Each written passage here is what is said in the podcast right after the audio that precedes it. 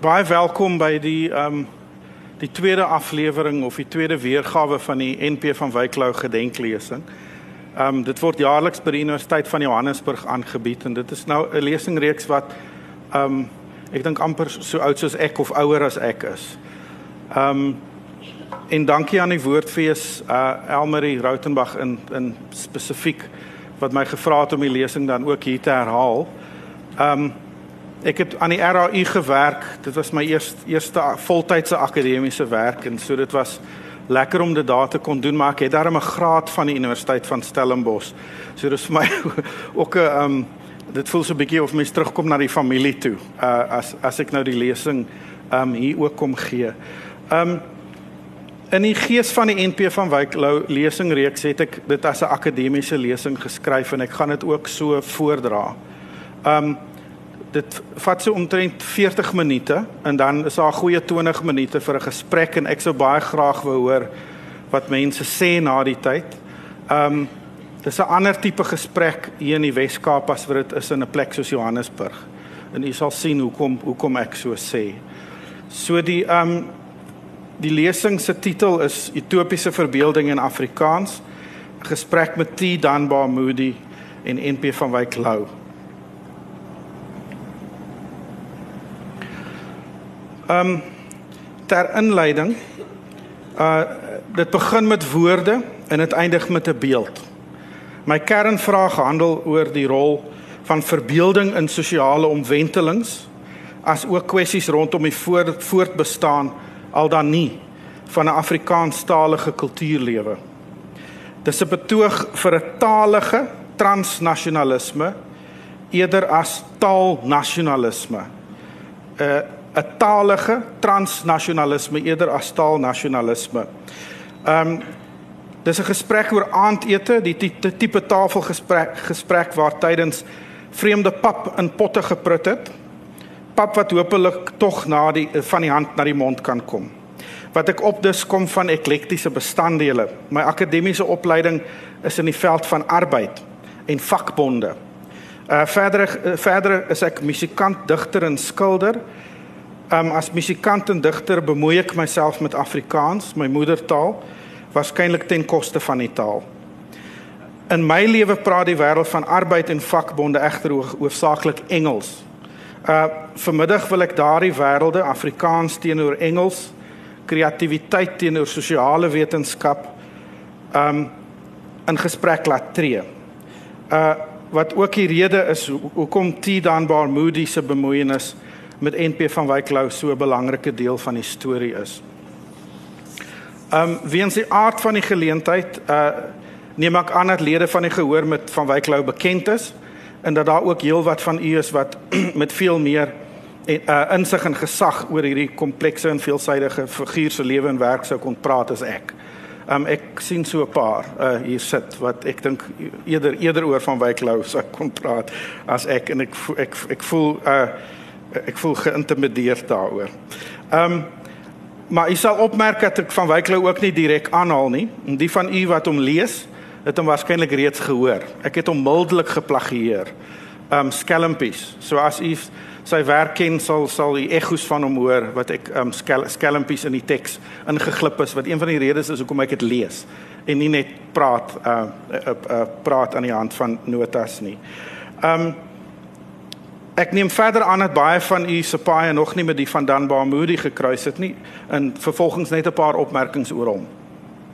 Dunbar Moody is in 1940 in Kaapstad gebore.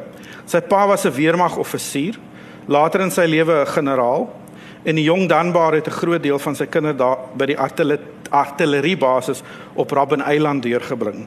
As kind veral na 1948 is Moody se identiteit deur sy pa se buitestanderskap as Engelssprekende militêre offisier in 'n Afrikaner nasionalistiese omgewing beïnvloed. Later, weens sy voorliefde vir eilande, sou Moody vir hom 'n huis op Martha's Vineyard aanskaf. Um en ek moet nou noem dis voor die Kennedys daar gekoop het. Um waar hy steeds vir die grootste deel van die jaar woon. Vir die res van die tyd vir die res van die jaar woon hy in Durban. Hy het grade aan Rhodes, Oxford en Harvard verwerf. Um en aan die universiteite van Natal en Witwatersrand doseer. Um maar was vir die grootste deel van sy akademiese loopbaan 'n dosent in sosiologie aan Hobart en William Smith Colleges in Geneva in New York. Dis 'n liberal arts college. So Dunbar Moody is daai tipiese Engelse prof professor op wie van Wyk Lou so neergekyk het. Um of eh, ek dink van Wyk Lou was nogal sensitief oor die die figuur van die van die uh, Oxbridge professor. Uh Moody uh die, die gevoel is egter nie wedersyds nie. Uh, Moody hou nogal baie van van Wyk Lou se werk. Um Moody se twee belangrikste publikasies is The Rise of Afrikanerdom, Power, Apartheid and the Afrikaner Civil Religion wat in 1975 gepubliseer is en Going for Gold, Men, Mines and Migration wat in 1994 gepubliseer is. Um albei word alreeds as klassieke werke um in studies van Suid-Afrika beskou. Die een um oor die belangrikheid van Calvinisme en die opkoms van Afrikaner nasionalisme en die ander oor trekarbeid as een van Suid-Afrika se belangrikste verskynsels. Moody is een van die min Engels sprekende kenners van die geskiedenis van Afrikanerdom wat Afrikaanse literatuur ernstig opneem en gevolglik oor iemand soos Lou kan skryf. Later meer oor Moody en Lou. Laat ek eers verduidelik hoe ek die aandete wil voorsit. Ehm um, daar's vier gange wat uit vier plekke kom. Durban, Pretoria, Zanzibar en Sutherland. Elkeen van hierdie plekke verteenwoordig 'n sinekdogiese deel van 'n groter geheel wat ek hoop min of meer helder sal wees teen die tyd dat ons 'n uh, glasies wyn na die tyd drink. Um ek begin by die met die eerste gang en dit is Durban. Um dis 'n redelike lang gesprek hierdie en wat ek hierin probeer doen is om um die veld van arbeid en verbeelding uh, te betrek by die gesprek en ek uh, uh ja, um ek ek ek hoop dit werk uit. In die vroeë 1970s was Durban 'n belangrike ruimte vir idees oor die weers, oor weerstand teen apartheid. Um as Tony Moffat oor die historiese Durban oomblik skryf, verwys hy na vier belangwekkende figure: Steve Biko wat besig was om 'n filosofie van swart bewussyn te formuleer, Richard Turner wat besig was om in reaksie op Biko uit te werk wat die rol van wit mense in die stryd teen apartheid sou wees. Dunbar Moody was wat Dunbar Moody wat besig was om op 'n nuwe wyse na Afrikaner nasionalisme te kyk en Mike Kirkwood wat die Engelse uh, kanon van Engelse literatuur vanuit 'n Suid-Afrikaanse perspektief in heroorweging geneem het. Beide Biko en Turner sou in 1977 deur regeringsagente vermoor word. Oor die sluipmoord op uh, Rick Turner skryf Charles Pierre Nudee in sy gedig Rick Turner: "Waar stelsels eens uh, geblink het was skroot en gruis 'n donker sterrewag alle denkbeelde het die onverdeelbare bestanddele uiteindelik gebreekte lens en koel boog kruis. Um ek moet dalk net iets sê oor die gedig Turner het aan sy dogter gesê think think of the planets. Uh sy kon nie slaap nie. Toe sy klop aan die deur en toe hy oopmaak toe sy toe sy dood geskiet. Rick Turner se belangrikste werk en een van die mees noemenswaardige tekste vir ons wat arbeid in die vakbondbeweging in Suid-Afrika bestudeer, heet The Eye of the Needle Towards Participatory Democracy in South Africa. Dit is in 1972 deur Sprout Cass waarby Beyers Nudee betrokke was gepubliseer. Turner is deur die Franse eksistensiële filosofie van die laat 1960s beïnvloed, maar was ook onder die indruk van die strukturele aard van ongelykheid en onderdrukking in Suid-Afrika. Vir hom was 'n utopiese verbeelding die begin van enige politieke verandering. Maar 'n tipe verbeelding waaraan mense deelneem en dis belangrik, eerder as die utopiese drome van kommunistiese intellektuele. Hy noem dit deelnemende demokrasie. In the eye of the needle in Isali Bybelse verwysing hoor, In the Eye of the Needle skryf Turner oor absolute onmoontlikhede soos dat leeu's vegetariërs kan word en wat hy noem other things being equal onmoontlikhede soos dat Suid-Afrika aan daardie stadium 'n swart eerste minister kon hê. 'n Utopiese verbeelding is belangrik om maatskaplike instellings te bevraagteken en te verander. Instellings bestaan uit mense en word daardeur deur menslike handeling voortgedra. Sulke instellings, die ekonomie, onderwys, gesinne bestaan soms uit konkrete dinge, dinge soos geboue, maar dit bestaan ook uit reëls en regulasies, rituele wat nuwe lede inlei, gewoontes en maniere van doen. Dis als mensgemaak en kan gevolglik ook deur mense verander word. 'n Utopiese verbeelding stel ons in staat om vrae van 'n morele aard te vra, maar ook om ons omstandighede met ander samelewings te vergelyk. Wat Suid-Afrika se rasseorde betref, het Turner waarde aan die profetiese rol van die kerk geheg. Dit was deel van die kerk se roeping om uit te wys dat rasisme teenstrydig met Christelike beginsels was. Vergelykings met ander samelewings sou ook aan Suid-Afrikaners kon uitwys dat die tipe rasseorde wat deur die wat deur apartheid in stand gehou word gehou is, nie 'n noodwendigheid was nie. In die 70's was dit nogal, ek meen om dit is moeilik om myself in te dink ek moet môre praat oor Canary en oor Johnny is nie dood nie en dit is moeilik soms om ons terug te dink aan die 80's en die 70's toe alles so so hard en vas gelyk het en, en dat dit nie kan verander nie. En Turner se punt is dis alles mensgemaakte instellings wat ook deur mense verander kan word, maar eers moet moet jou verbeelding, moet jy dit anders kan verbeel. So die die verbeelding is daar belangrik om iets anders te ver, uh, uh, as wat dit is te verbeel is een ding, maar om samelewings te verander is veel meer uitdagend. Um hoe dit gekom dat ons dinge op 'n sekere manier doen? Is hierdie die beste manier om die samelewing te organiseer? Is daar sekere belange en magsposisies wat dit in stand hou? Hoe gegee die maghebbers se weerstand teen verandering sou ons dit kon verander? Dis met ander woorde verandering is nie maklik nie omdat mag uh, deel is van hierdie samelewingsstrukture en mense wat teen verandering is, uh dit gaan probeer stop. Um Turner het 'n afkeur en geweld gehad. Um Steve Biko se kritiek op wit liberales en SASO se onttrekking aan NUSAS, dis nou die swart bewustheidsbeweging se onttrekking aan NUSAS in die 70.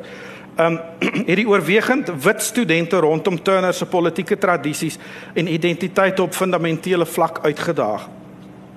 Aan die een kant het hulle besef dat dit belangrik was vir wit mense om hulle eie gemeenskappe van binne te probeer verander en om bestaande idees oor die samelewingsorde te bevraagteken. Verder is daar besluit om eerder op klasseongelykheid as op ras te fokus en om saam met die ontluikende vakbondbeweging te werk om die samelewingsorde op vredesame wyse en deur middel van kollektiewe onderhandeling uit te daag. Met ander woorde die 'n klomp wit liberale studente in Durban besef Hulle gaan 'n tipe rol vir hulle self moet vind en hulle besluit hulle weet om oor kwessies soos ras te praat is nie nou die tyd die tyd is nie daar vir hulle nie dis 'n tyd van swart bewussyn en ek dink daar's egos daarvan nou. En wat wat hierdie wit studente doen is om te besluit om die om ontluikende vakbondbeweging te ondersteun. Met ander woorde hulle fokus op klas klasse ongelykheid eerder as ras. En dis op 'n manier 'n strategiese keuse Um hierdie strategie is beïnvloed deur 'n vlaag spontane stakings deur hoofsaaklik swart fabriekwerkers wat in 1973 in Durban en Pinetown begin het um en reg oor die land uitgekring het so sover eh, soos Walvis Bay net teenswoordig in Namibië wat natuurlik daai tyd deel van Suid-Afrika was. 'n Groot deel van hierdie werk um, het die bou van demokratiese werkersorganisasies en on onderwysprogramme vir vakbonde behels, as ook strategiese hofsaake om politiek politieke beweegruimte vir vakbonde te skep. Um mense soos Elton Cheadle. Op formele vlak het hierdie ontluikende arbeidersbeweging losgestaan van die bestaande bevrydingsbeweging, die ANC en die PAC, en is soms aktief deur die ondergrondse beweging ondermyn. Ek moet noem dat Breiten Breitenberg se besoek in Suid-Afrika in die vroeë 1970s deels was om met hierdie groep aktiviste rondom Rick Turner kontak te maak. Onder andere um Gerard Maree van u sou dalk al van hom gehoor het. Hy het 'n wonderlike boek oor Inkatha geskryf, Brothers Born of Warrior Blood. Um so uh, Ja, dit is met ander woorde 'n groep ehm um, aktief eh, dit kom net nou by van Wyk Lou uit. U sal u sal sien hoekom ek hierdie hoekom ek hierdie draai uh, uh, in die vakbondbeweging uh, maak ek, ek wil 'n punt daaroor maak later. Ehm um, nie almal in Turner se groep het deel van die vakbondbeweging geword nie. Bobby Gotsel, een van Dan Danbar Moody se studente by Natal, het byvoorbeeld besluit om eerder die besigheidswêreld te betree as om werkers te organiseer. Hy sê dalk meer van binne kon vermag en het vir die mynmaatskappy Anglo American gaan werk. In 1994 het 'n vliegtuig met trekarbeiders van Malawi neergestort met die gevolglike onttrekking van arbeid uit daardie land aan Suid-Afrika. In 1975 het Mosambiek van Portugal onafhanklik geword wat ook die um verskaffing van arbeid van Mosambiek aan die Suid-Afrikaanse myne um uh, in in in gedrang gebring het. En en wat basies gebeur het is tot tot uh, tot en tot en met daai tyd het die meerderheid van werkers in die Suid-Afrikaanse myne. Onthou die goudmyne is die belangrikste deel van die ekonomie. Uh die oorgrootste meerderheid van werkers het uit die buiteland gekom en wat in 1975 gebeur is daar daar vind 'n groot verskuiwing plaas. Al hoe meer werkers word uit Suid-Afrika in diens geneem. spesifiek die Oos-Kaap en Lesotho. En um, daarmee saam ontstaan daar ongelooflike geweld op die myne.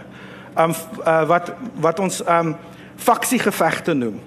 Uh uh en en en hierdie tipe geweld ontstaan spesifiek as daar in 'n in 'n arbeids uh, uh mark waar daar ongelooflike kompetisie tussen mense is as daar vinnige verandering plaasvind. En Bobby Gottsel en Anglo American probeer verstaan wat gaan aan in in in hierdie vakbonde. Hoe moet ons hoe moet hoe hoe hoe hoe, hoe moet ons reageer op hierdie geweld? En hy vra vir Danbar Moody uh as sy ou professor om 'n navorsingsprojek te doen oor die geweld in die, in in hierdie in hierdie uh, in die in die mynhostelle. En dan Baa Moody kom in met 'n groep studente wat in die hostelle gaan woon en van binne probeer verstaan hoekom hierdie plekke so gewelddadig word. En um op 'n manier dra die bevindinge van hierdie navorsing by daartoe dat Anglo American besef dat hulle eintlik hulle 'n vakbond nodig. Um eerder as om uh te probeer om vakbonde uit die hostelle te hou, uh besef hulle maar ordelike kollektiewe bedinging gaan dalk gaan dit dalk makliker vir hulle maak. Um om om orde op die myne op uh, orde op die myne te kry. En wat gebeur is Ang Anglo verander hulle beleid en en van die ander mynmaatskappye volg ook in Cyril Ramaphosa begin dan die National Union of Mine Workers in 1982. Um en die National Union of Mine Workers word ongelooflik sterk. Die mynmaatskappye besef op 'n manier hulle te fout gemaak. Uh PW Botha se uh, se regering probeer die arbeidswet vir wette verander om hulle te verswak. Maar in die proses het die vakbonde so sterk geword dat hulle basies uh, uh, die die staat dwing om te verander. Met ander woorde wat mense gesien het as 'n onmoontlikheid 'n paar jaar van tevore, um gebeur dood eenvoudig deur in die eerste plek net te verbeel dat 'n mens so iets kan doen. Harde werk uh, om mense te organiseer um en die magstrukture verander as gevolg van uh, as gevolg van die die vakbondbeweging. Um Nou ek is altyd as iemand wat uit die arbeidsveld kom, as ek effe geïrriteerd oor die uh, verheerliking van Umkhonto we Sizwe en die buitelandse uh, die buitelandse ANC terwyl baie van die aksie eintlik maar in die land gebeur tussen die vakbonde en die UDF wat wat wat dinge binne die land verander het maar sanksies was was ook belangrik. Um ek wil 'n um 'n uh, 'n paar opmerkings maak voor ek na Pretoria toe aanbeweeg net oor Durban. Um enige verandering verg verbeelding. Volgens Rick Turner 'n utopiese verbeelding. Soms is dit 'n uitdaging wat daardie uh, verbeelding prikkel. Biko se kritiek op die paternalisme van Engelse wit liberales, toevallig ook die einste groep mense wat van van Wyk Lou as Afrikaner nasionalis so geminag het. Benewens werk in eie geleedere het 'n groep jong aktiviste besluit om ondersteuningswerk vir die ontluikende swart vakbondbeweging te doen. Sommige van hierdie aktiviste het later belangrike poste as ministers beklee. Uh, Alec Owen of hulle het miljonêers geword soos Johnny Copeland. Niks is eenvoudig nie. Um ook die vakbondbeweging van wel eer het en het, het in wese veranderings ondergaan en sommige teenswoordige praktyke sou vir aktiviste uit die 1970s en 1980s um onherkenbaar wees. Uh daar is egter vele van hierdie jong aktiviste wat agter die skerms harde werk verrig het om die land om die land te verander. Geletterdheidsklasse aangebied het. Werksvloer vir teenwoordigers of shop stewards opgelei het. Toneelstukke geskryf het en opgevoer het. Poesie werkswinkels aangebied het en vir hofsaake voorberei het. Sommige van hulle, al was dit nie 'n cause of their own nie, 'n kollega van my Sakela Buklungu beskryf hierdie wit, wit aktiviste as rebels without a cause of their own, omdat hulle in 'n hoofsaaklik swart vakbondbeweging gewerk het. Um al was dit nie 'n cause of their own nie, het van hulle met hulle lewens daarvoor geboek ge, geboet, né? Van hulle is doodgemaak en ek verwys hier onder andere na, na Rick Turner. Waar Biko se swart bewussynsbeweging uiteindelik meestal ondersteuning aan onder die middelklas geniet het, is dit die fokus op die organise organisering van die swart werkersklas wat 'n magsverandering in die ekonomie bewerkstellig het. Turner en die oorwegend wit Engelse aktiviste kan nie die krediet kry daarvoor nie. Dit kom meestal die swart vakbondlede self toe. Maar bydra was in baie gevalle op strategiese vlak deurslaggewend. Dis egter nie uitsluitlik hierdie uitsluitlik hierdie uitdaging in die hart van die ekonomie wat apartheid tot 'n val gebring het nie. Daar was ook belangrike veranderinge binne die die domein wat binne die domein van Afrikanerdom plaasgevind het. En ek wil terugkeer na Danbar Moody in die belangrikheid van van Wyk Lou as kunstenaar en politieke filosoof. So verskoon my groot draai in die arbeid. Ek hoop ek het die punt oor verbeelding tuis gebring oor dat daar ook vir kuns 'n rol is in iets soos vakbonde organiseer, toneelstukke, poësiewerkswinkels. Dit was alles deel van van hierdie werk uh om om om verandering mee te bind. Goed. Ons is nou by die tweede gang.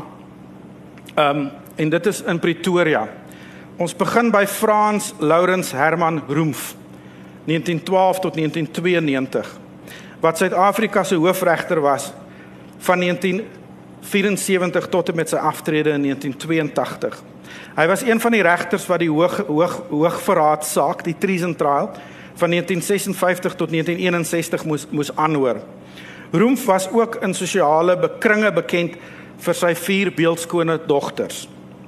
Danbaar Moody het tydens sy honeursjaar by een van die dogters vlerk gesleep en by regter Roemf aan huis gekom. Dis Danbaar self wat die uh, wat die uh, vlerk sleep as beeld hier voorgestel het. Um hier het Moody politieke kwessies onder andere wat destyds afsonderlike ontwikkeling genoem is met jong Afrikaner mans, sy kompetisie in meer as een opsig. Um as ook met regter Roemf self gedebatteer. Moody was beïndruk met die respek waarmee die regter hom behandel het, as ook die diepte van die kalvinistiese tradisie waaraan Roemf as lidmaat van die gereformeerde kerk se argumente gesetel was. Hieroor skryf Moody in die inleiding tot uh, The Rise of Afrikanerdom.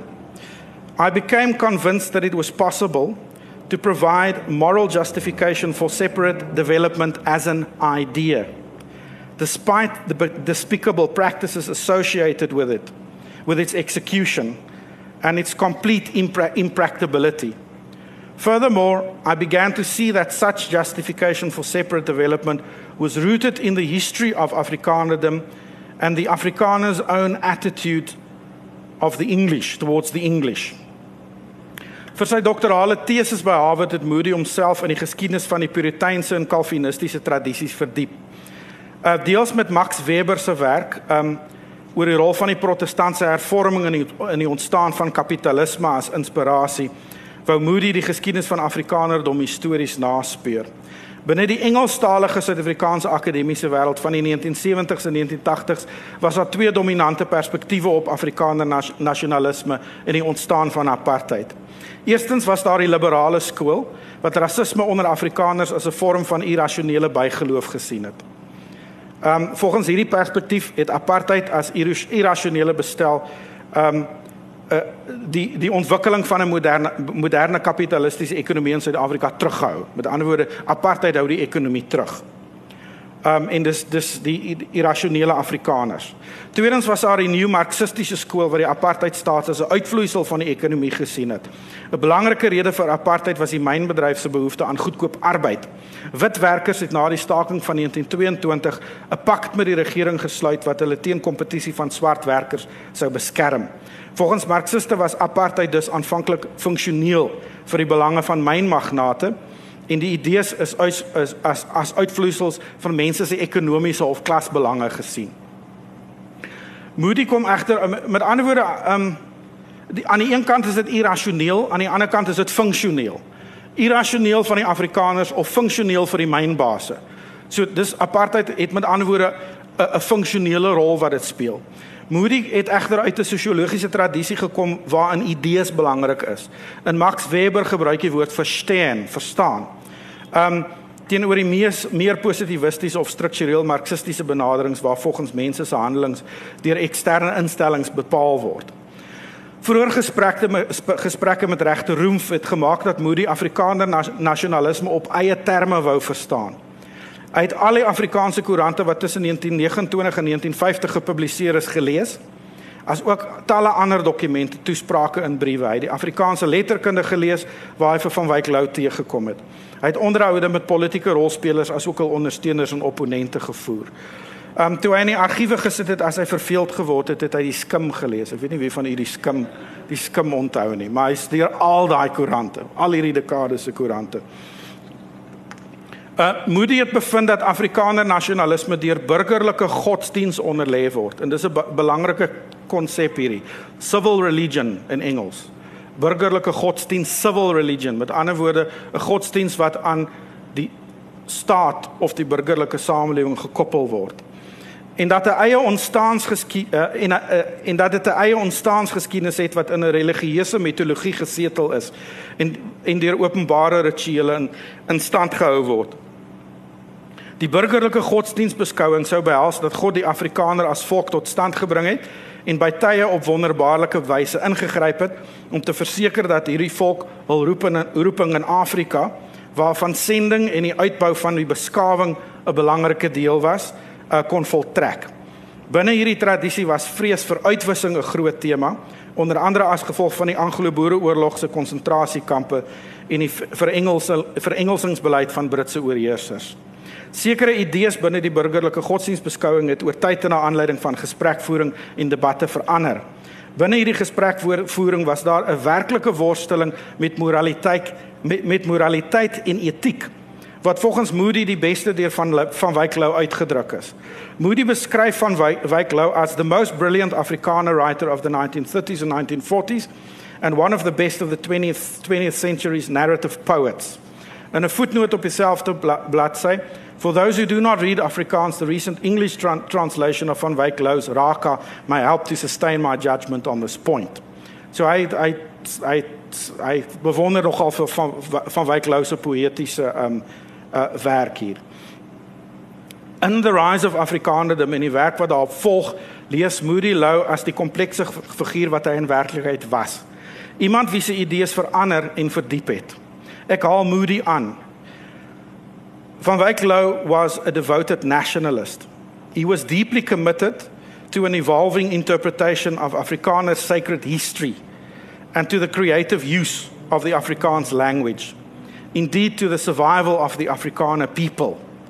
Moody wys hoe daar voortdurend en oor die oor dekades na Lou se formulering van die morele dilemma's van Afrikaner nasionalisme en apartheid teruggekeer word in openbare toesprake, debatte, maar ook in kringe binne die kringe van die Afrikaner broeder, Broederbond in wie se argiewe hy maande spandeer het om studiestukke te lees.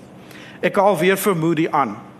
Van Wyk Lou made three important points that would be picked up by Afrikaner intellectuals and politicians committed to the interpretation of the civil religion. They were as follows. En hierdie is nou belangrik.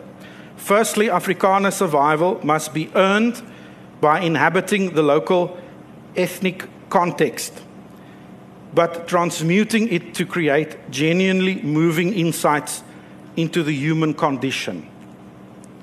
Met ander woorde daar's 'n daar's 'n etniese konteks wat ehm um, wat deurgeleef moet word, maar die regverdiging daarvan is die skepping van kuns, van universele kuns.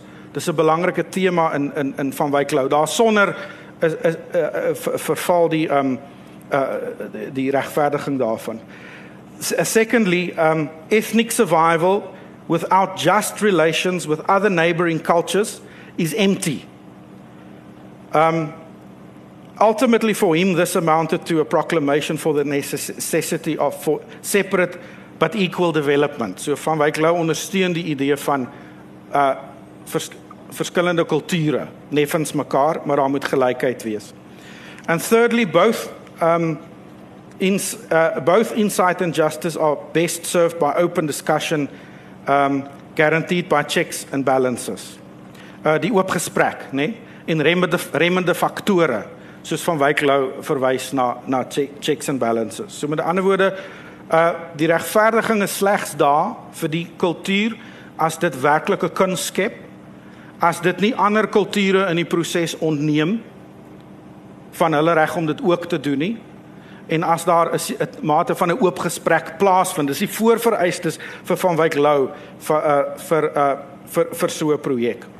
Volgens Moody was Lou se formulering van hierdie morele dilemma's heel ruim. Daar's gevolglik verskillende en soms teen teenstrydige interpretasies 'n aan en formulerings van loyale verset en voortbestaan in geregtigheid gegee. Verder is die oop gesprek tot die binnekring van Afrikanerdom beperk. Weer Moody. Open discussion amongst Afrikaners usually, but not in every case, excluded English speaking whites and Afrikaans speakers of color and almost entirely excluded open and equal discussion with black Africans. As a result, black South Africans could not make them could make themselves heard only through protest. Debatte tussen Pietsel hier en Hendrik verwoed, asook aller ander wil ek nou nie hier hersien nie. Moody beskryf ook die geskilpunte in gesprekke tussen mense soos Gerard Viljoen, Johan Degenaar en ander wat uiteindelik die pad vir hervorming voorberei het. 'n Belangrike punt, die hak van Achilles vir 'n morele regverdiging vir af, afsonderlike ontwikkeling was die sogenaamde kleurling vraagstuk en ek gebruik nou die taal van daai tyd. As apartheid oor 'n skeiding van kulturele groepe gegaan het en oor die beskerming van taal en kultuur sou die bestel toenadering tussen wit en swart Afrikaans sprekendes bevorder het eerder as om verdeling te bring. Ek gebruik die swart hier in Biko se definisie van swart, nê? Swart inklusief. Um uh soos Moody dit verwoord. Claims to rights of citizenship rested firmly on racial rather than cultural formations. Whatever moral claims might be made for separate freedoms, as long as colored people were, were excluded from Afrikanerdom, separate development remained apartheid. Van Wyk Lou en ander het bruin Afrikaans sprekendes as deel van Afrikanerdom gesien. 'n Kulturele definisie, een wat nie in ras gesetel was nie. Ons weet egter wat gebeur het. Die verwydering van bruin mense van die kiesersrol die vernietiging van distrik 6 en ander woongebiede en daarmee saam historiese kerkgeboue. Die vernedering in die ont, van die ontigwetgewing die toeklap van deure van die Afrikaanse intellektuele en kultuurlewe teaters biblioteke skole universiteite. Dit was Pretoria. 'n vinnige besoek aan Zanzibar voor ons in Sutherland uitkom Volgens Rick Turner help vergelykende studies van samelewings ons om aan te toon dat die manier van dinge doen nie 'n noodwendigheid is nie, maar dat maatskaplike instellings uit menslike handeling spruit. Vervolgens 'n vlug, vlugtige besoek aan Zanzibar, ewenwel nie 'n sistematiese een nie, maar ter wille van die verbeelding en om on, onmoontlikhede te ondersoek. Soos Afrikaans, is Swahili 'n Kreoolse taal wat uit die interaksie tussen meesters en slawe ontstaan het anders as Afrikaans word Swahili onomwonde as 'n Afrika taal beskou. Dit is die amptelike taal van 'n aantal lande in Oos en Sentraal-Afrika. 'n Swahili spreker soos Ali Mazrui word as Afrika filosoof beskou, nie Afro-Arabier of 'n uh, Arabiese Afrikaan nie. Met 'n besoek aan onder andere Lamu, Malindi, Mombasa en Zanzibar het dit my opgeval dat daar aan toerismebrosjures en kennisgewings telkens na ruïnes uh, wat uit die tydperk van Arabiese kolonialisme dateer as Swahili ruins verwys word. Um dis 'n interessante uh, toeëning van daai geskiedenis deur Swahili sprekers. Anders as in die konteks van Suid-Afrika het die meestal moslim eienaars van slawe aan die Swahili kus die kinders wat hulle by slawe verwek het as hul eie kinders erken en in hulle gesinne opgeneem. Die gevolg hiervan is dat die heersersklas in plekke soos Zanzibar oor tyd al hoe donkerder van gelaatskleur geword het. Dit is in teenstelling met Suid-Afrika waar daar aanvanklik 'n minder strak rasseskeidsslyn tussen slawe en hul eienaars was, maar waar veral die instelling van die doop in die kerk gebruik is om die buiteegtelike kinders van slawe en hul eienaars van lidmaatskap van gesinne en erfgenaamskap uit te sluit. 'n Belangrike verskil is natuurlik die poligame aard van gesinne in die aan die Swahilikus teenoor die monogame gesinne van in die van die Kaapse kolonie as kalvinistiese buitepos.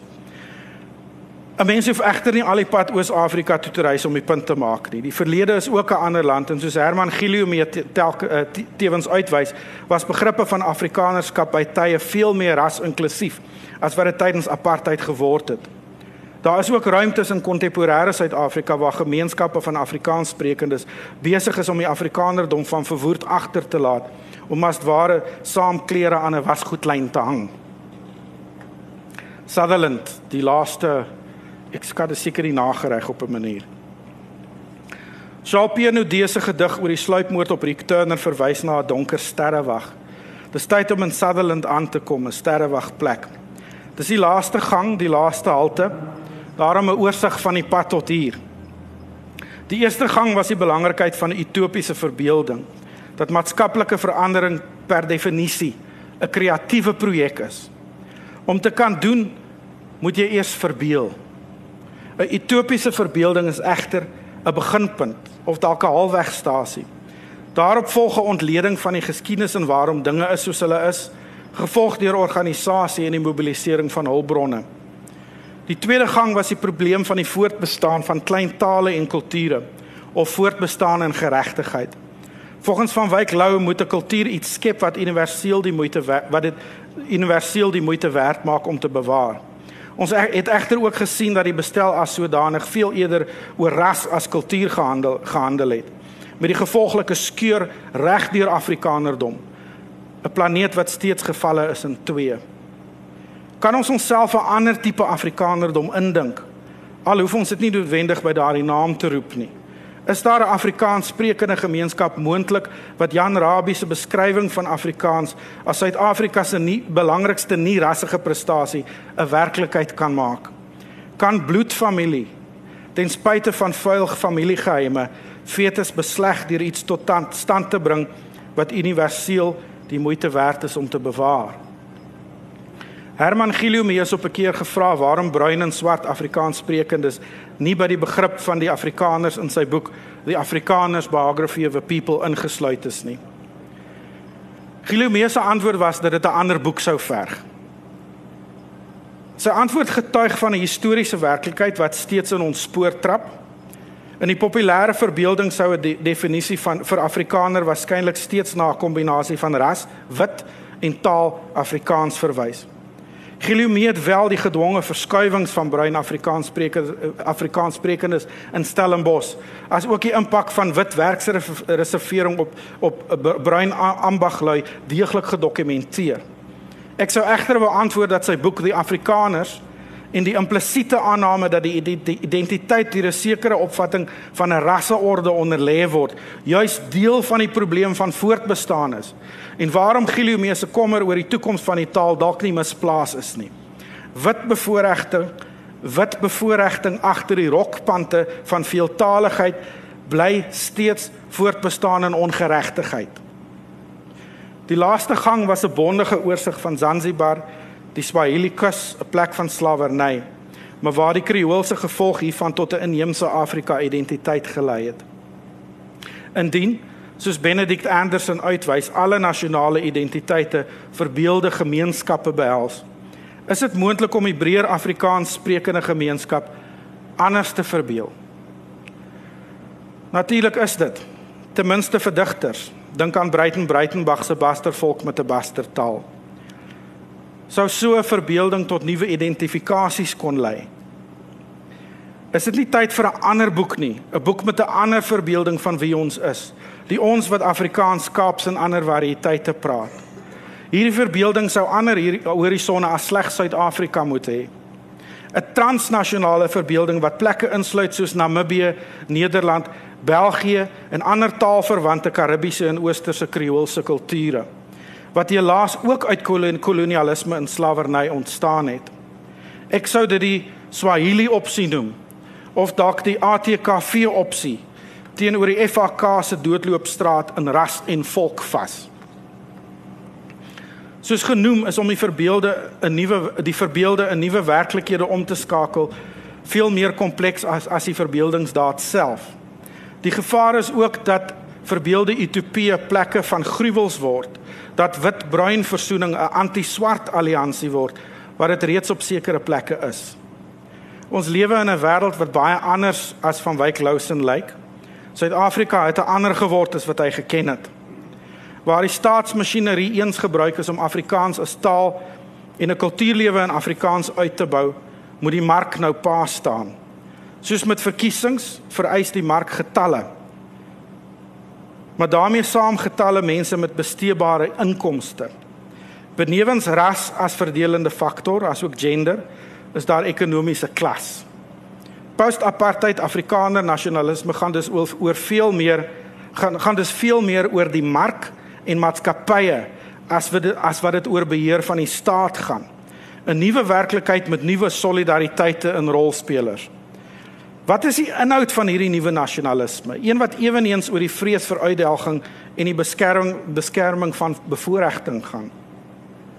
Waar staan dit ten opsigte van ras as ook die kloof tussen ryk en arm? Is dit wenslik dat 'n Afrikaanse kultuurlewe steeds as nasionalisme uitgedruk word? Moet ons nie eerder aan 'n taalkulturele transnasionalisme dink nie?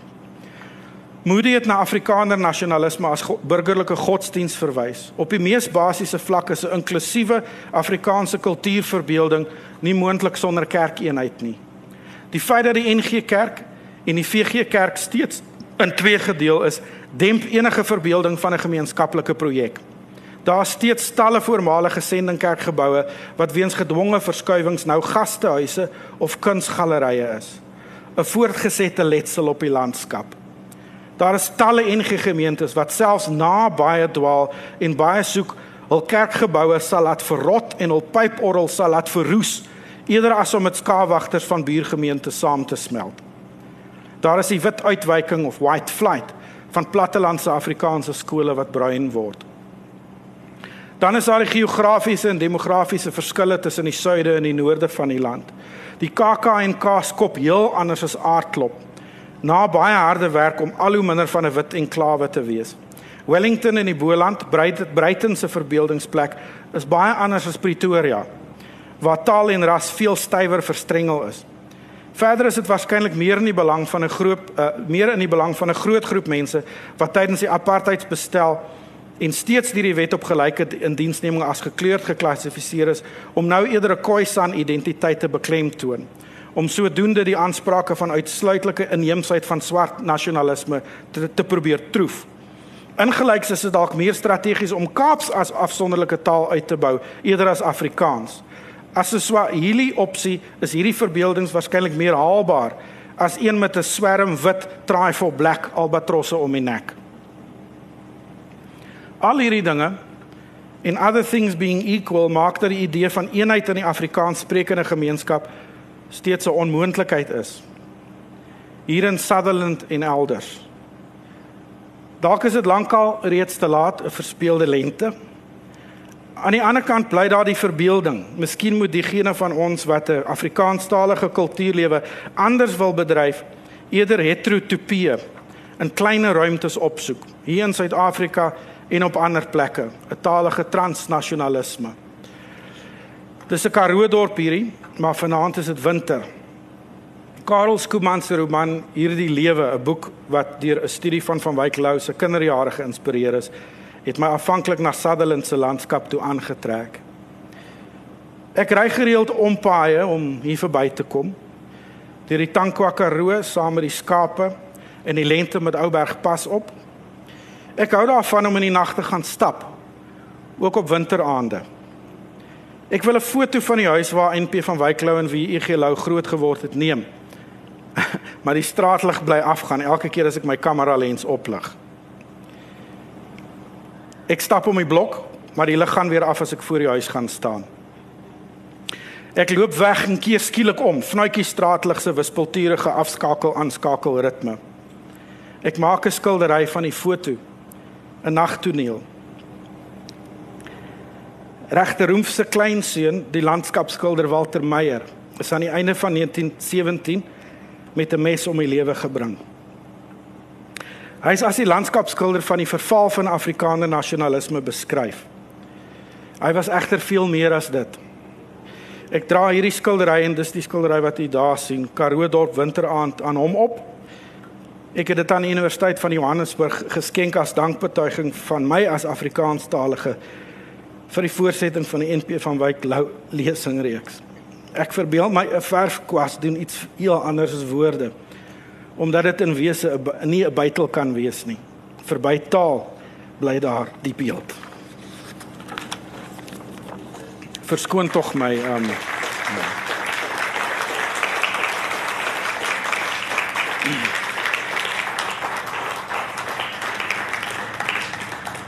ja. Dis 'n mondvol kan ek sou graag nie hier bo wil bly nie in uh miskien hier onder kom sit en as daar gesprekvoering is sal dit baie lekker wees. Um uh as u 'n vraag wil vra, steek asseblief u hand op en uh die mikrofoon sal na u toe kom. Professor Albert Grindling, een van die mense wat my intimideer.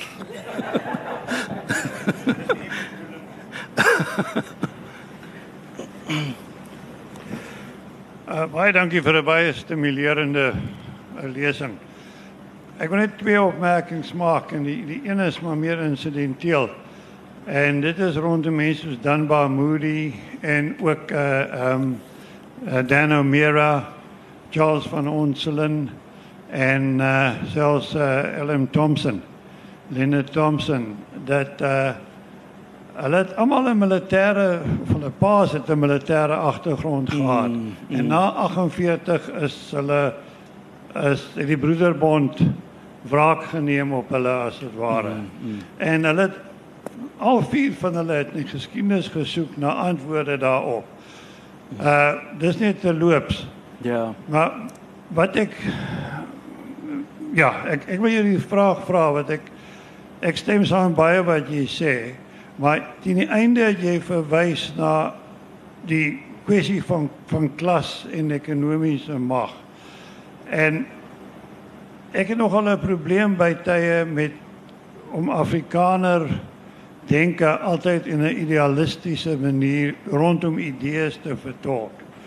Ek voel dis dikwels gebed in omstandighede, ekonomiese omstandighede wat dit moontlik gemaak het om 'n verbeelding te laat reis.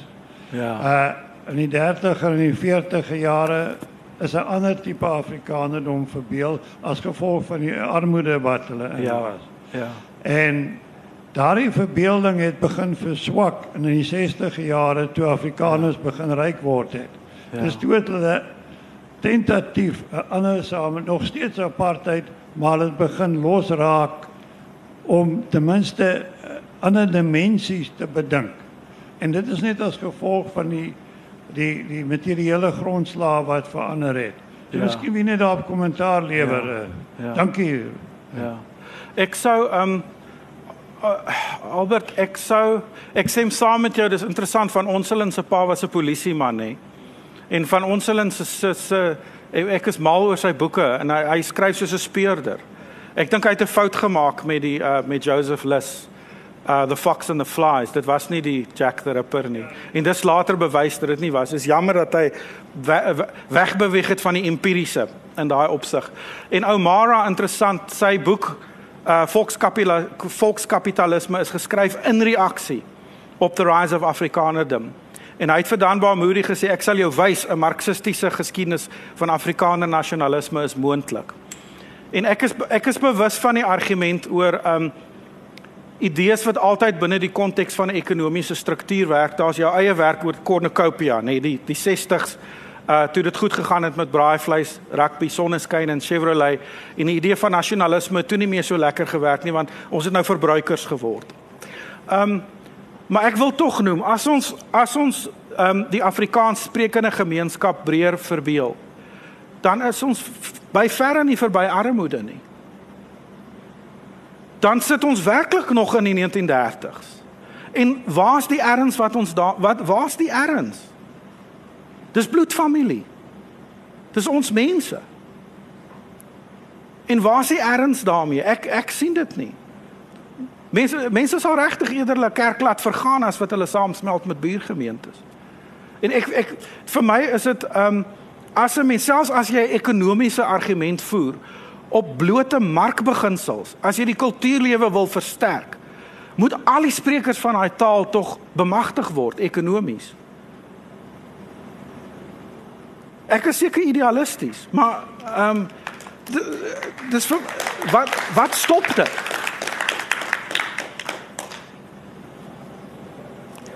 Uh professor Kees van der Walt, nog een van die intimiderende.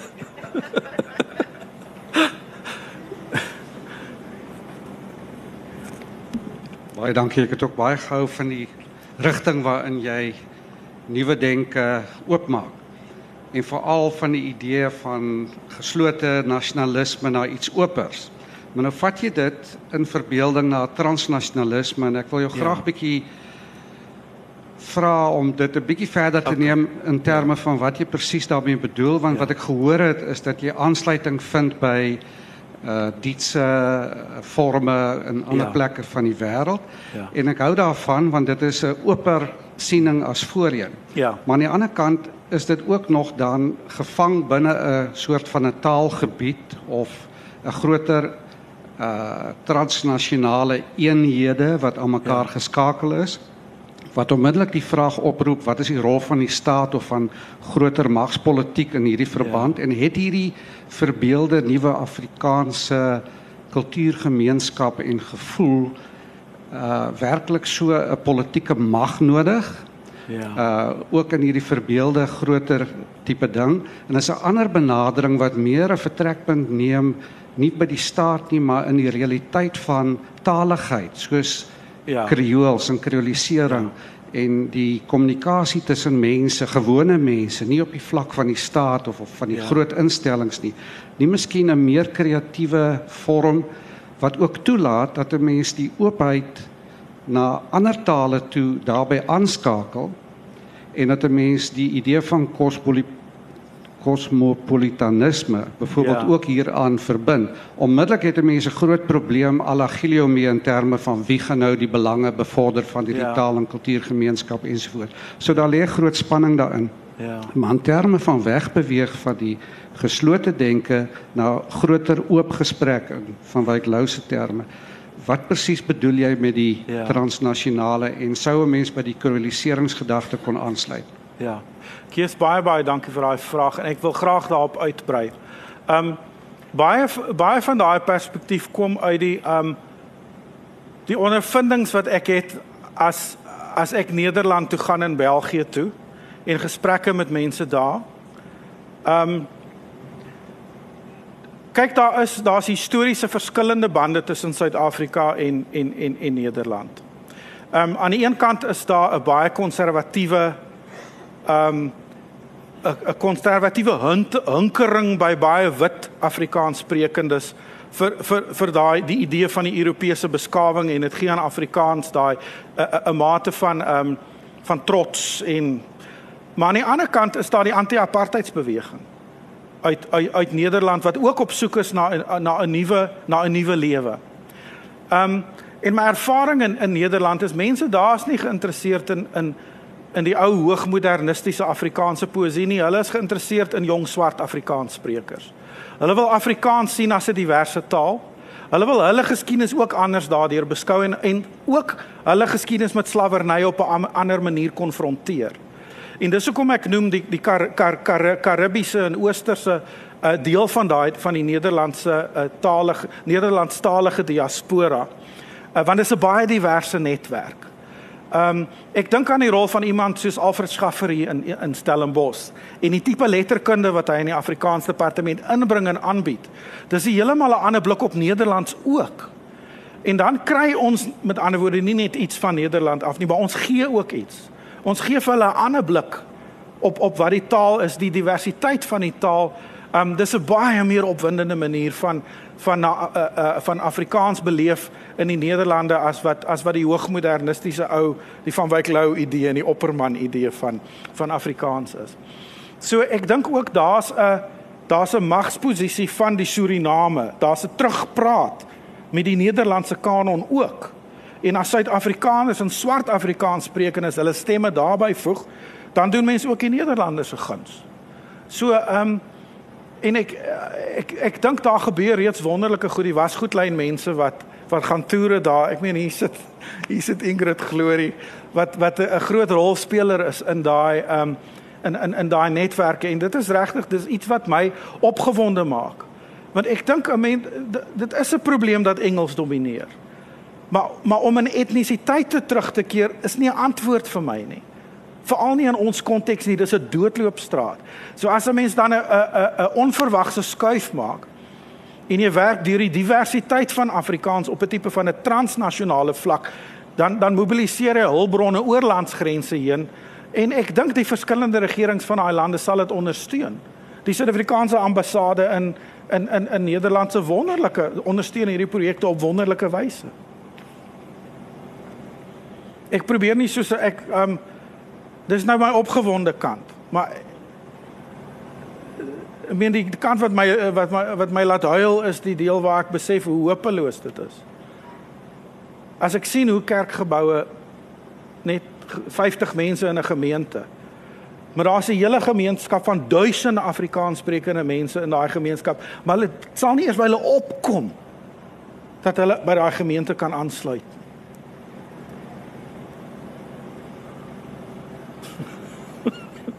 Waar is die verbeelding?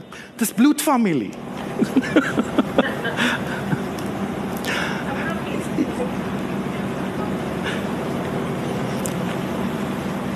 My klasmaat.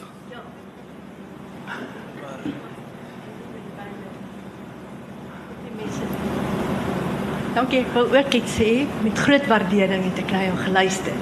Net soos wat ek met groot waardering gedeel het in wat jy met kwaste doen. Veral die taal. Ehm um, die ding wat my die meeste opval in hierdie reis met die mag van verbeelding is dat sonder vergelyking deur tyd vergelyking tussen plekke is die verbeelding eintlik vasgevang in die ene wat net kan aanhou om dieselfde ding oor te sien. So spesifiek dit wat my sê verbeelding is nie 'n magiese wonderwerk wat uit die hemel val nie. Dis 'n nee. ernstige talige bemoeienis met ander woorde vir dieselfde verskynsel om daar op 'n nuwe manier sin aan te kan gee. Ja. En ek voel baie keer dat die Afrikaanse diskurs vasgevang is in bepaalde taalpatrone ja. wat daai verlede perpetueer op 'n manier ja. wat nie bevorderlik is nie. Ja. Dankie Sari. Ek ek kan maar net saamstem. Ehm um, Ja, ehm um, Ja, ek dink nie vir verbeelding is in die eerste plek reis. Dis uh, jy jy is jy dis dis tog 'n punt wat Turner maak oor vergelykende studies. Is as jy uh, as jy 'n uh, dis die ou Griekse Griekse digter wat gesê het, nê, nee, as jy teruggaan na na Ithak Ithaka toe. Is dit is dit die reis wat jou deur aan met deur ander oë na jou eie plek laat kyk en dis nou 'n ou geuite ding om te sê, maar dit is so waar. Dit is interessant hoe die ANC toe Julius 'n probleem was aanvanklik die eerste ding wat hulle gedoen het is om hom op 'n wêreldtoer te stuur. Hulle het gehoop hy sal hy sal 'n ander verbeeldingsveld kry, maar toe het hy natuurlik net Venezuela gesien. En Maar ehm um, maar om te om te om te om te reis is belangrik en en en en ek dink om dit laat mense ook eh, anders kyk na jou eie wêreld. Vir my was die Swahili kus 'n uh, 'n uh, 'n uh, fenominale ervaring. Ek sal nou nie meer Zanzibar toe gaan nie oor hulle beleid teenoor gay mense. Ek boikot dit. Ek eh, Tanzanië is vir my nou enige iemand wat soontoe reis is, neem vir my 'n morele keuse teen baie van my vriende en my mense. So ek meen daar is ook. Goedemiddag, mijn naam is Ingrid Glory en Andries het net naar mij verwijs. Andries was deel van die Week van die Afrikaanse Roman in 2017. Uh, eh, en ik organiseerde in Nederland en Vlaanderen die Week van die Afrikaanse Roman. En nou verleden jaar ook die Festival voor Afrikaans. Uh, ik is ook uh, correspondent Nederland voor Voertaal.nu. Voertaal.nu is een webwerf wat uh, gedoen wordt door die Zuid-Afrika's in Amsterdam in samenwerking met Litnet. Etienne van Heerde is die redacteur van Voertaal.nu. En daar proberen ons juist hier die transnationale gemeenschap op basis van taalverwantskap uh, op vergelijkbare talen uh, tot stand te brengen. Ons schrijven in Afrikaans en in Nederlands en ons hoop die mensen gaan lezen niet net in Nederlands niet, maar ook die Afrikaans en andersom. En ons probeer ook Suriname, die Antillen en uh, die voormalige Nederlands, Indië, Indonesië daarbij betrek. Um, wat die week van die Afrikaanse roman betreft, ons rij rond. Ons krijgen Zuid-Afrikaanse schrijvers en kunstenaars om op tour te gaan door Nederland en Vlaanderen. En dit is baie keer de plekken waar mensen nog glad niet bewust is van Afrikaans niet. Ons was bijvoorbeeld één keer in die zuiden van Nederland, nabij Maastricht. En die mensen daar niet clue van Zuid-Afrika of van Afrikaans niet. We het net gekomen omdat de boekwinkel iets georganiseerd en er komt enige tijd wanneer die boekwinkel iets organiseert. En hier wordt er voor de eerste keer blootgesteld aan Afrikaans. En hulle dink, wacht een maar ik kan dit verstaan. Ik heb nog nooit Afrikaans gehoord nie, maar ik verstaan dit. Tweede ding, shoo, maar die Afrikaanse schrijvers is wonderlijke vertellers. En die derde ding, hierdie onderwerpe waar Orle praat is so wesenlik, is so belangrik, is ja. aangrypend. Ja. En dit is die ondervindinge wat ons het as Afrikaanstalige skrywers, wit en bruin, Nederland en Vlaanderen toekom. En ons wil julle almal aanmoedig om julle skrywers en julle kunstenaars Nederland en Vlaanderen toe te stuur in hierdie gesprek met ons en ook met die Surinaamse schrijvers en kunstenaars in Nederland en Vlaanderen aan te gaan. En daar's 'n wonderlike vertaalfonds wat gestig is uh om om oor en weer in die tale te vertaal. So um, dis ook belangrik. Maar is belangrik dat daai nie elitistiese bande is nie. Dat dit moet inklusief wees en ons nie die ons nie die en en ek dink daar is 'n daar's 'n gewaarwording en 'n en 'n en 'n baie doelbewuste. Ek wil dit graag noem. Um, ek het nou hierdie gesprek en lesing baie baie geniet. En ek wil graag sê namens my groter familie wil ek sê dat ons geskiedenis is 'n baie sterk punt van verwysing vir ons. Maar dis hartseer dat baie van ons het ons geskiedenis 'n plek van behuising geword. Baie van ons het daar gaan bly. En vir my is dit so insiggewend met hierdie gesprek dat eintlik kos dit ons verbeelding dat dit ons 'n sleuteltjie word om 'n bietjie te weg te beweeg en te ja. vorentoe te kyk. Ja. En om alles beter te los as wat ons het gehad het. Ja. En vir my is my fokus die jeug. Hoe gaan ons vir hulle dit beter maak? Ja. En vir my lê die sleutel van die verbeelding in hoe maak ons ons taal relevant vir ons jeug? Want vir hulle is dit dalk nie so erg oor kleer soos wat dit vir ons nee. is en vir hm. ons ouers is nie. Hm. So dalk moet ons ons bagasie 'n bietjie agterlos hm. en 'n plek van behuising 'n bietjie verlaat en sê kom ons wys vir ons jeug dat ons dit ons taal wel beter kan los as wat ons dit hmm. gehad het. So ja. baie baie dankie. Ek het vreeslik ja. geniet. Dankie. Ek kan maar net sê haleluja, amen. Ehm um,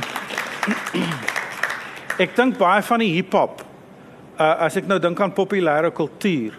Daar's 'n sessie wat Alfred Schaffer gereël het uh in in Wellington. Wat hy mense van die van reg oor die wêreld gebring het wat wat hiphop gedoen het uh van van Wes-Afrika, van Suriname, van Nederland en dan 'n klomp Suid-Afrikaners. En ek dink dit het 'n klomp mense se koppe heeltemal geskuif oor wat jy met taal kan doen en en waaroor taal en identiteit gaan.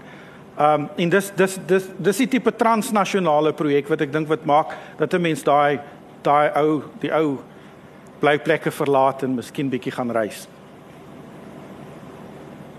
Dis nie net hiphop nie, dis nie meer maar dit is interessant hoe diep hiphop in ek dink in populêre kultuur nou lê. Dis die pop van nou. Hier's nog ehm um, hier's nog hande hier. Ek dink Stef was daar genoeg. Ek net sê om daarbey aan te sluit, mens kan alle poesie. Ja. Ja, o aarde, ja. Ja. En is heerlik as 'n mens tussen Afrikaans en Nederlands poesie vertaal. Elmarie uh, Elmarie het sê ons moet ophou praat. Ek dink die volgende groep mense wil inkom. So ek is um ja, uh, uh, miskien een laaste punt uh, uh ek stem saam oor die poesie. Dankie vir die punt. Ek wil graag vra uh oor hierdie punt uh 'n kultuur is geregverdig as dit universeel die moeite werd is om te bewaar. Kan u ja. miskien vir my 'n voorbeeld gee van 'n kultuur wat op so 'n manier die moeite werd is universeel om te bewaar? 'n Kultuur of aspekte van 'n kultuur en dan tweedens elemente in Afrikaans sprekende kultuur wat potensiaal het vir iets wat belangrik is om op universele vlak te bewaar. OK. Dis van Wyk Lou se punt nê. Nee. En van Wyk Lou werk met 'n modernistiese kunsopvatting dat 'n kuns 'n kunswerk is 'n grootse werk wat los kan staan van dit is in 'n taal en is ingebed in 'n taal. Maar as jy dit vertaal het dit universele betekenis en ek dink dis hoekom hy ra, byvoorbeeld Raka wou skryf of Germanicus. Ek meen sy sy sy rolmodel op 'n manier in Germanicus kom van die Griek, die Griekse uh uh digters tot Shakespeare. En so in daai in in die modernistiese opvatting was dit daai idee van die grootse kunswerk. My eie opvatting dink ek is is minder minder hoogmodernisties in daai sin. Alhoewel ek dink um daar tog 'n sekere merite merite aan kuns moet wees maar ek dink enige taal enige taal het 'n inhoud wat bewaar moet word en wat kosbaar is. In enige taal wat sterf enige woordeskat wat vervlak wat verdwyn is vir my 'n tragedie so ek sou meer um ja baie baie dankie dat u gekom het ek het nie verwag jy gaan enige iemand wees nie Van my kant af baie dankie Elmarie, baie dankie. Dankie aan die Woordfees en die ATKV wat die borg is.